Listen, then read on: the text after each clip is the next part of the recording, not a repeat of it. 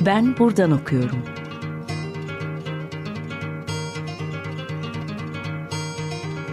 Edebiyat ve başka şeyler.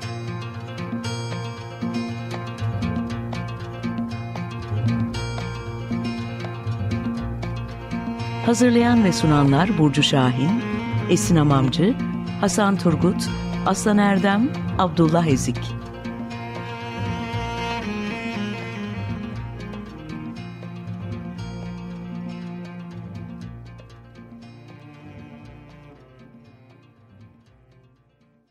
Herkese merhaba, ben Hasan Turgut. 95.0 Açık Radyo'dasınız. Ben Buradan Okuyorum'un yeni bölümüyle karşınızdayız. Bugün konuğum tarihçi Samet Altıntaş. Samet hoş geldin. Merhabalar, hoş bulduk. Kendisiyle Timaş yayınlarından çıkan Ben Şeyh Bedrettin, Derviş Devlet İsyan isimli kitabı üzerinden edebiyatımızdaki Bedrettin temsillerine bakacağız. Başlamadan kısaca Samet hakkında bilgi vermek istiyorum size. Samet Altıntaş Marmara Üniversitesi Tarih Bölümü mezunu. Şeyh Bedrettin ile ilgili çalışmasının dışında Bursa'nın Daveti, Bir Osmanlı Başkenti Güncesi ve Boğaz'ın Dört Muhafızı isimli iki kitabı daha var. Bunun dışında metin yazarlığı ve proje editörlüğü yapıyor. Şu soruyla başlayalım istersen Samet. Şimdi kitabın başlangıcında e, dolaşımda olan Bedrettin anlatılarından örnekler veriyorsun bize. E, bu noktada e, Nazım Hikmet'in anlatısı Bedrettin MIT'in inşasındaki rolü en çok bilinenlerden biri. Sence başta Nazım Hikmet'inki olmak üzere e, bu anlatılara yön veren kültürel siyasal arka plan neydi? E, bunu merak ediyorum öncelikle. Ve ikinci olarak sen bu anlatılardan hangisine yakın duruyorsun? Eyvallah, teşekkürler nazik davetin için öncelikle. Şimdi şöyle ben e, kitapta şu e, zemin üzerinde kalem oynatmaya çalıştım. Yani önce Nazım Hikmet'in, hadi senin için bir daha söyleyeyim, açmış olduğu yolda gösterdiği hedefte ilerleyen bir diskur var malum. E, o yüzden Nazım Hikmet'in 1936'da yayınlanan Simanla Kadısoğlu Şeyh Bedrettin Destanı'nı baz alarak hikayemi başlattım. Yani monografi ilk bununla kaydettim. Çünkü Nazım Hikmet Bursa hapishanesinde Mehmet Şerefettin Yaltkaya'nın Risalesini okumasaydı, bir Bedrettin'iye tesadüf edip e, muhayyel Şeyh Bedrettin'i tanımasaydı, bilmeseydi, e, Türk soluna tarihsel taban bulmak için Böklüce'ye ve Torlak Kemal'e yaslanmasaydı, bence Şeyh Bedrettin ismi bu kadar popüler olmayacaktı, bu kadar dolaşımda olmayacaktı. Birkaç tarihçinin, o da e, işte Fethet dönemi çalışan, efendime söyleyeyim ya da e, Osmanlı fakihliği üzerine bazı makaleler kaleme almış akademisyenlerin yani sınırlı, kısıtlı bir çevrenin tarihsel malzemesine dönüşecekti şey Bedrettin. Bu yüzden ben hem kitabın girişi olarak Nazım Hikmet'i koydum başa hem de ilgili destanının bölümlerini epigraf olarak kaydettim. Her çalışmanın, şey her bölümün başına. Nazım Hikmet burada şunu yapıyor. Yani kafasında bir bir şey tasarlamış. Yani ben bunu tırnak içinde komünist bir heykel diye böyle hani somut, konkret bir şekilde söyleyebilirim. Ve buna inanmış. Bu uğurda da e, bir takım e, okumalar yapmış ama bütün bunların hepsi kısıtlı. Burada bence ıskalanan taraf şu. Hem Mehmet Şerefettin Yalkaya'nın hem de Nazım Hikmet'in yani Şerefettin Yalkaya Bedrettin Risalesi'ni alırken okuduğu kaynaklar da kısıtlı ve yanlı ve çoğu yanlış. Keza Bedrettin'in buna bakarak şey Bedrettin diyorum Nazım Hikmet'in bu bu bu kitaba bakarak kendi kafasında yarattığı Bedrettin destanı da tarihsel olarak yanlış. Şunu baştan söyleyeyim. E, Türk solu da Türk sağı da bence bana göre gerçeğin değil Nazım'ın Şeyh Bedrettin'e iman etmiş durumda. Temel mesele bence burası. Dolayısıyla hani şeyden Atilla İlhan'dan biraz rol çalayım ama hangi Şeyh Bedrettin e, sorusuyla aslında bunu anlat bunu anlatmak ve anlamak için ben bu monografiyi kaleme aldım. Dolayısıyla hani soruna hızlı bir cevap vereyim. Ben Şeyh Bedrettin'i ne yani bu anlatıların ne tarafındayım? İşte okuduğum ve anladığım kadarıyla e, İmam Ali'nin yolundan giden bir sufi Bedrettin. Çok iyi bir fakih. Yani halkla hak arasındaki o terazi, adalet terazisini oldukça yerinde kullanmış bir adam. Ve her zaman e, duruş olarak hani o Kerbela böyle çok şeydir ya İslam aleminde sembolik bir yarılmadır. Her zaman İmam Hüseyin'in yanında yer almış, saf tutmuş. Dolayısıyla bütün algısını yani hem dünyevi hem uhrevi buna göre dizayn etmiş bir kişi bence Şeyh Bedrettin. Dolayısıyla önce evvela burasının bura, buralarının çok iyi oturması lazım. Bunların çok iyi anlaşılması lazım. Yoksa biz bu temel meseleyi bilmeden kafamızda yarattığımız imgeler üzerinden Şeyh Bedrettin'i konuşursak burada bence boşa çıkıyoruz tarihsel olarak. Bilmem, ifa bilmem ifade edebildim mi? Ee, ya bence de öyle. Ee, yani Bedrettin'in kurmaca bir e, karakter hale geldiğini Türk solu açısından özellikle Nazım Hikmet'in inşası üzerinden söylüyorsun zaten. Onu birazdan e, geliriz zaten onu soracağım sana. Ama ondan önce biraz Bedrettin'in nasıl şekillendiğine e, biraz e, tarihsel olarak kendisini nasıl kurduğuna bakalım. Çünkü farklı aktör ve ağlarla ilişki içinde olduğunu görüyoruz çocukluğundan beri. İşte annesinin Hristiyan olması, bir kilisede doğmuş olması ve zamanla Kahire'ye uzanan bir irşat dönemi gibi e, şeyler söz konusu Bedrettin'in hayatında. E, istersen biraz bu aktör ve ağları açalım ve bunların e, Bedrettin'in sonraki kararlarını nasıl şekillendirdiğine bakalım buradan itibaren. Eyvallah. Ben Michel Balive'nin bir tespiti var. Onu çok seviyorum.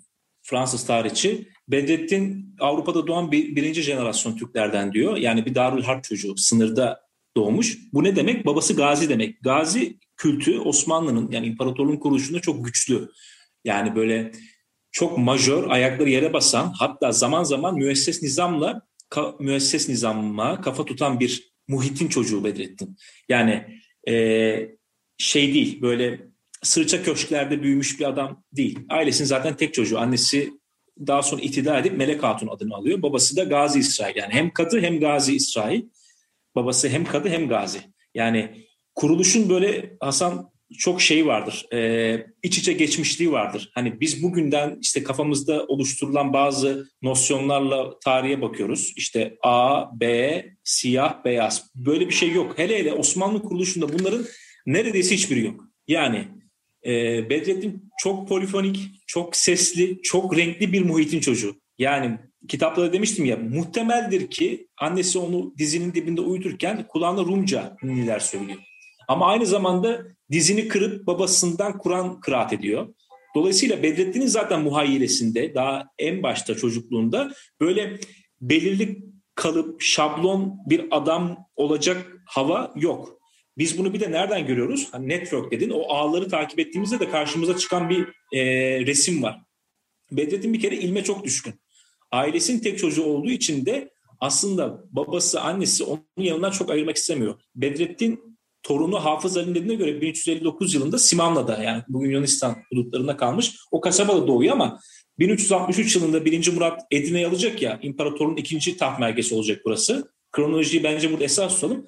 Gazi ailesi tekrardan Edirne'ye gelip Rumeli üssünü burada kuracaklar. İşte o gaziler muhiti, gaziler eliti de Edirne'de tekrardan e, konuşlanacak. Bedrettin doğduğu yer evet Simanlı ama do- büyüdüğü yer, çocukluğunun geçtiği yer Edirne.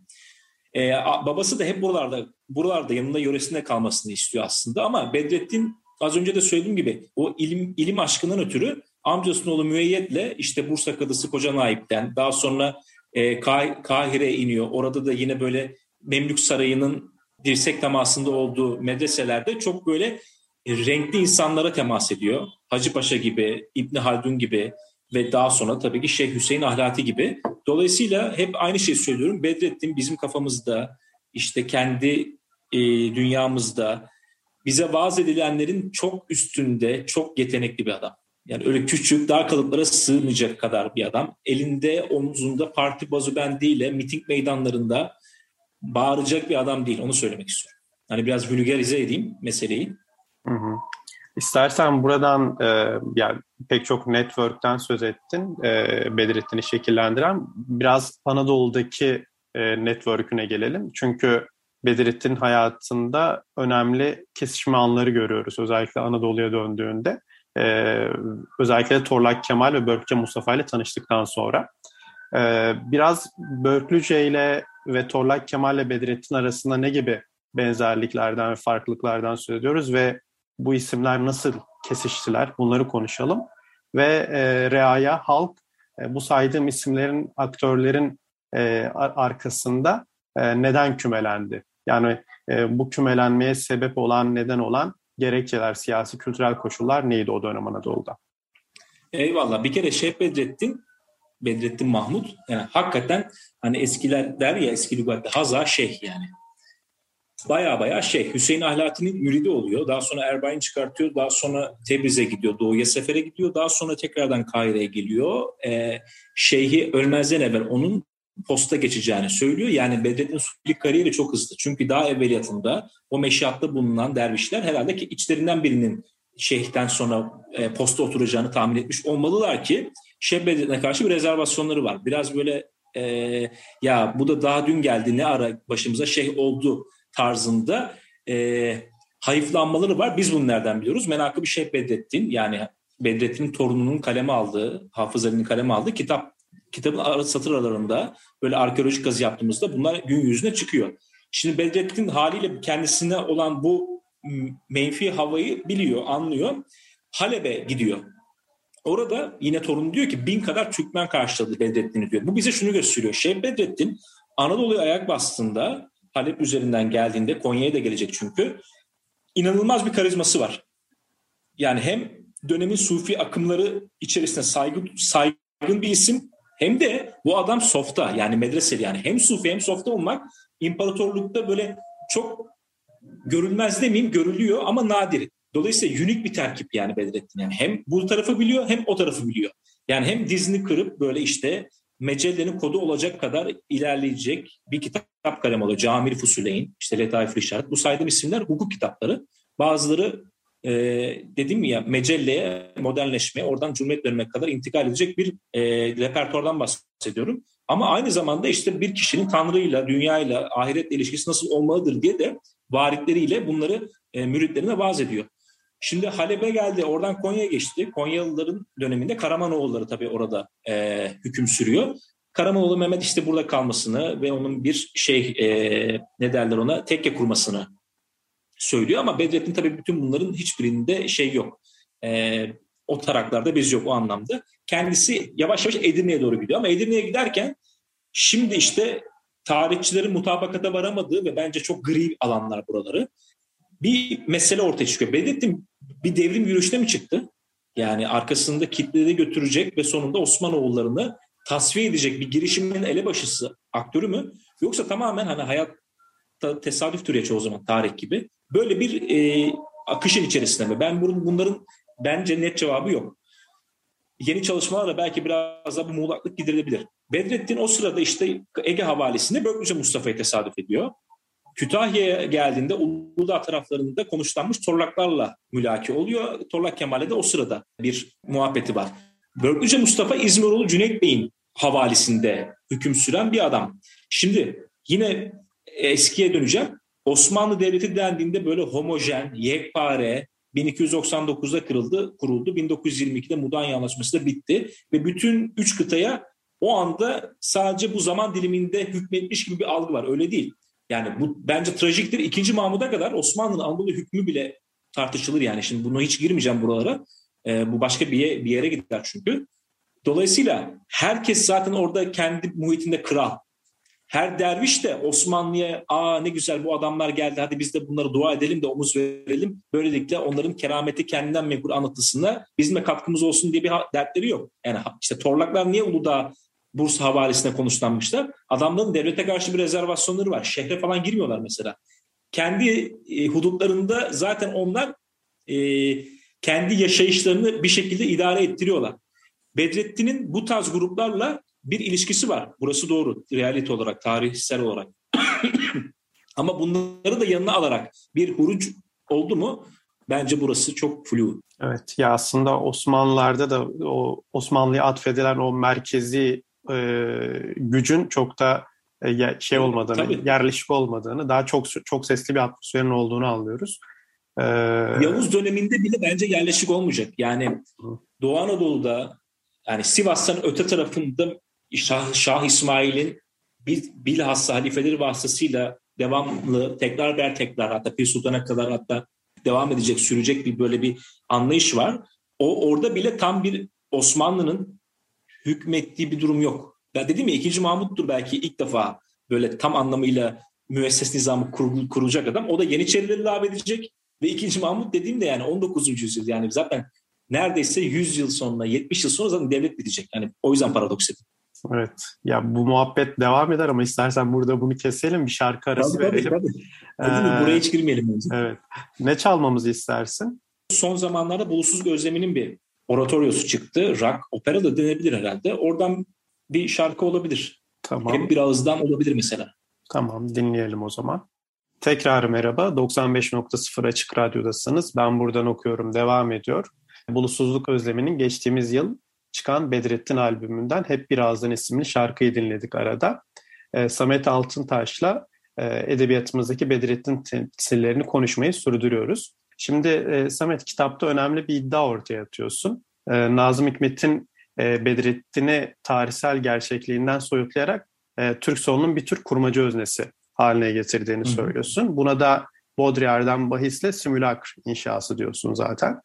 E, buradan hareketle şunu merak ediyorum. Sence Bedrettin Türkiye'de nasıl bir konjonktürde yeniden dolaşıma girdi ve özellikle hangi ihtiyaca karşılık geldi?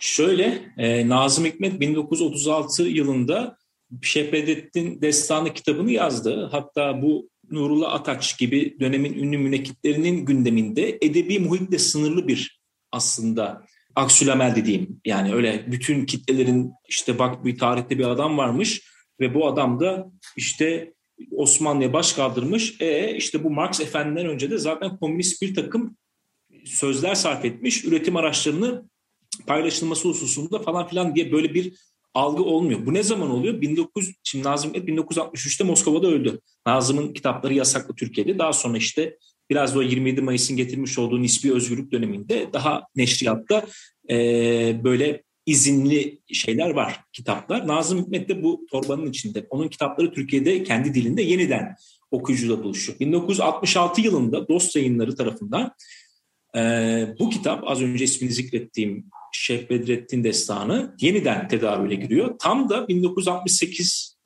yılının arifesinde yani dünyada 68 kuşağı diye bir gerçek var. Türkiye'de nereden baksanız sol ve sade kamplara ayrılmaya başlamış artık bu anlamda. Yani zihinsel olarak e, o köyden kente göçün etkisiyle kendisini solda ya da sağda tanımlayan insanlar var. Nazım'ın yazmış olduğu bu kitap sol için müthiş bir bomba etkisi yaratıyor. Ve e, yani hem Nazım'ın ölümünden sonra Bedrettin zaten çoktan vefat etmiş. Daha da şöhretli bir hale geliyor Şeyh Bedrettin bu anlamda. Yani bundan sonra artık şey var, e, onu söylüyorum. Tarihin nesnesinden ziyade kurmacanın öznesine dönüşmüş bir Bedrettin'le biz karşı karşıyayız. Bence tarihçiler zaten burada hep e, şey yapıyorlar. İstedikleri cümleleri kuramıyorlar. Yani biz genelde burada şiirle muhatap olduğumuz için muhayyileye müdahale edemezsin. O adamın kendi e, fantazisi yani. Kendi kafasında oluşturduğu bir şey. Dolayısıyla siz bunu ya bak ama böyle değildi diye başladığınızda zaten sizi dinlemiyorlar. O tamamen artık sembol olmuş bir adamın izinden gidiyorlar. Yani Böklüce diyorsunuz, Spartaküs diyor, Torlak diyorsunuz, işte marjinal Sufi diyor, işte Bedrettin diyorsunuz, işte isyan etti diyor. Yani bir sürü orada hep böyle bir kapılar kapanıyor yüzünüze bu anlamda. Dolayısıyla ne kadar çok fikri arkeolojik kazı yaparsanız yapın, ya Bedrettin'in bak bir de böyle kitapları var deseniz de artık Nazım'ın bu ikinci defa dolaşıma giren kitabının önü şey kaya gibi duruyor. Dolayısıyla hani gerçekte ne oldu sorusunu sormayan ve bunu merak etmeyenler için Şeb ismi artık şey yani tamamen sosyalist bir adammış algısı var. Ee, bu, bir, bir cümle kurdum dedim ya hani Türk sağı da Türk solu da gerçeğin değil Bedrettin'in Nazım'ın Bedrettin'le iman etmiş durumda. Türk sağı da Nazım Hikmet bu kitabı yazdığı için oradan kuruyor kendi diskurunu. İşte ne diyor İbrahim Hakkı Konyalı? Stalin'in şeyhi Bedrettin Simavi diyor. Nazım Hikmetov diyor. Yani hep o soğuk savaş dönemine denk düşüyor bu ayrımlar. Yani dünya artık iki kutup üzerine seyrediyor, iki eksen üzerinde seyrediyor. Dolayısıyla insanlar oturup bir masa etrafında birbirlerini dinlemiyorlar bile. Ya ama bak bir de böyle var. Ama bak bir de işte bilmem şu Sufi Bedrettin'e bunu yazmış. Bak Niyazi Mısır diye bir adam var. Bedrettin ile Muhittin ettiler ihyai din demiş. Bak burada bir şeyler olması lazım. Bunlara hiç bakmıyorlar. O dönem için söylüyorum. Şimdi tabii bunlar çoktan aşıldı Türkiye'de. Yani marjinal olarak kalan hala böyle her iki kesimde de insanlar var. Yani Bedrettin'in zındık ya da komünist olduğuna iman etmiş adamlara ben hiçbir şey diyemem. Onlar o yolda devam edebilirler ama genel itibariyle bir masa etrafında oturup artık millet birbirini daha e, dinleyebiliyor. Bu yüzden top, sorunun başına geri dönüyorum. 1966-68 kuşağı Türkiye'nin sol sağ diye kamplara ayrıldığı dönemlerde bu edebiyata da sirayet edecek bir Bedrettin damarın artık böyle çok güçlü bir şekilde gümrah bir nehir gibi akmasına sebebiyet veriyor. Nazım'ın bu kitabının ikinci baskısı. Şimdi aslında spekülatif bir şey de yapıyorsun. Çünkü e, Mehmet Akif'le ilgili e, bir e, şeyin var, yorumun var. E, acaba Bedrettin'in Mehmet Akif şiirini şekillendirmiş olup olamayacağı üzerine. Çünkü Akif'in yakın arkadaşı Mustafa Kazım Efendi de Bedrettin'in varidatının çevirmenlerinden biri. Ee, sence Hı. böyle bir şey var mı? Bedrettin Akif şiirinde geziniyor olabilir mi bazı noktalarda? Şimdi bu bilgiyi ben nereden ulaşıyorum? Mithat Cemal Kunsay'ın Akif'in ölene kadar dostu. Ee, Kunsay Akif'i anlattığı kitabında e, Musa Kazım Efendi ile beraber Mehmet Akif'in varidat okuduğunu söylüyorlar. Söylüyor. Laleli'de bir taraflardaydı ya Çembertaş Laleli arasında bir yerde. Musa Kazım İttihatçı Şeyhülislam'dır malum. İşte Abdülhamit'in yanılmıyorsam cenaze namazını kıldıran kişidir vesaire. Böyle o da çok renkli bir adam. Şimdi Akif de hani durmadan böyle işte şey var ya bir isyan şairi aynı zamanda Akif. Hani milli mücadeleye omuz vermiş, Gazi Mustafa Kemal'in yanında yer almış, işte emperyalizme karşı durmuş bir adam. Bunu hem cami kürsüsünden yapmış hem sahada milletvekili olarak yapmış. Her türlü duruşunun Akif'in nerede durduğunu biliyoruz. Bu bir isyandır sonuçta. Hani var ya işte e, Şeyh Bedrettin'in bir variti var. Varidat diyor ki insanlar cahiliye devrinde görünen putlara taparlardı. Şimdiki zamanda vehmettikleri putlara tapıyorlar. Umarım ki Allah gerçeği meydana çıkarır da gerçek olarak hakka taparlar diyor. Hani şimdi buradan analoji yapıp hakka tapmadan bahsediyor ya Mehmet Akif'te. Bunlar benim sorduğum soru. Elimde bir bilgi yok. Hani sadece Akif'in isyan şiirlerinin arkasında varidat mı var diye soruyu bırakıp olay yerinden kaçıyorum yani. Ondan sonrası şeye ait. Okurun kendi e, yorumuna ait. Evet. Yoksa ben bunu şeyde okurken e, Mithat Cemal'de görmüştüm. Onu almıştım bir tarafa. Daha sonra buraya motif olarak işledim kitabı. Evet, ilginç bir konu. Bence üzerine düşünmeye değer. Belki bir gün birileri yapar ya da sen yaparsın. Evet. Ee, şimdi çok teşekkürler Samet. Programın sonuna geldik maalesef. Keyifli bir sohbetti benim için. Umarım faydalı olmuştur. Ben teşekkür ederim. Rica ederim. Evet değerli dinleyiciler, bugün ben buradan okuyorum da Samet Altıntaşlı Timaş yayınlarından çıkan Ben Şeyh Bedrettin, Derviş Devlet İsyan isimli kitabı üzerinden e, edebiyatımızdaki Bedrettin temsillerine bakmaya çalıştık. Diğer bölümlerde görüşmek üzere.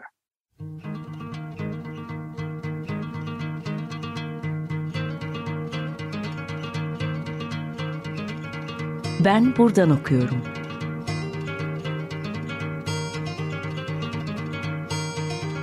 Edebiyat ve başka şeyler.